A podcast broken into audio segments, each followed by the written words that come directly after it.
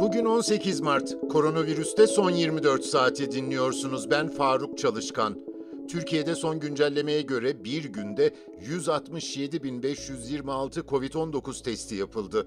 18.912 kişinin COVID-19 testi pozitif çıktı. 73 kişi hayatını kaybetti. Yeni hasta sayısı 869. Mevcut ağır hasta sayısı 1484.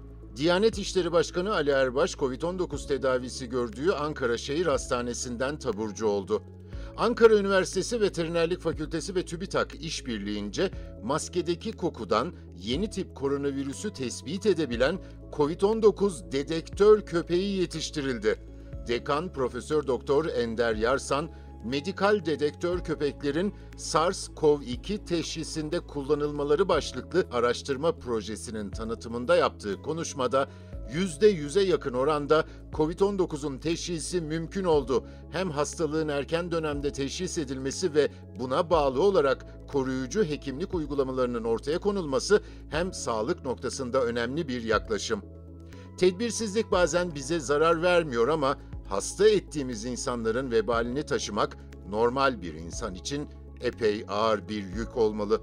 Trabzon'un bir ilçesinde rahatsızlığına rağmen izole olmayan ve spor salonuna giden birinin temaslı olduğu 45 kişinin COVID-19 testi pozitif çıktı. Filyasyon ekiplerinin çalışması sonucu 93 kişi izolasyona alındı. Spor salonunun faaliyeti ilçe hıfzı sıha kurulunca tedbiren durduruldu. Samsun İl Sağlık Müdürü Muhammed Ali Oruç da bir taziye evinde yemek yiyen 25 kişiden 21'inin testinin pozitif çıktığını duyurdu. Sağlık Bakanı Fahrettin Koca son 15 günde vaka sayısında artış görüldüğünü belirterek sonuçlar henüz hastanelere fazla yansımaya başlamadı ifadesini kullandı. Koca, Koronavirüs Bilim Kurulu toplantısının ardından yazılı açıklama yaptı. Sağlık Bakanı'nın açıklamasından diğer noktaları kendi ifadeleriyle aktarıyorum. Emin olun ki artık yakından takip etmediğiniz ülkelere kıyasla ülkemiz gayet iyi bir durumda. Riskleri azaltmaya dönük bir strateji uyguluyoruz. Strateji, riskin bütün ülkelerde eşit olmadığı gerçeğine dayanıyor. Tedbirlerin ciddiyet derecesi de ilden ile farklılık gösteriyor. Artışlardan hepimiz sorumluyuz. Düşüşlerle hepimiz mutluyuz. Bu nedenle tedbir şahsi bir karar değildir. Bir insanlık borcu, bir yurttaşlık ödevidir. Gelecek haftadan itibaren bir alt grubun yani 60-65 yaş grubunun aşılarına başlanacak. Bildiğiniz gibi virüsün bazı şekilleri ortaya çıktı.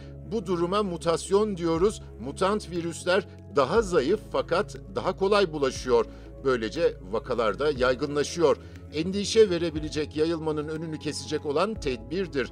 Virüs eski virüs değil, mutasyona uğradı diyerek asla işi hafife almayın. Mutantı da olsa koronavirüs tehlikeli bir virüstür. Dünyada bugüne dek Covid-19 teşhisi koyulanların sayısı 121 milyon 938 bin. Toplam ölüm 2 milyon 695 bin. Bugünlük bu kadar. Bizi hangi mecrada dinliyorsanız lütfen abone olmayı unutmayın. Hoşçakalın.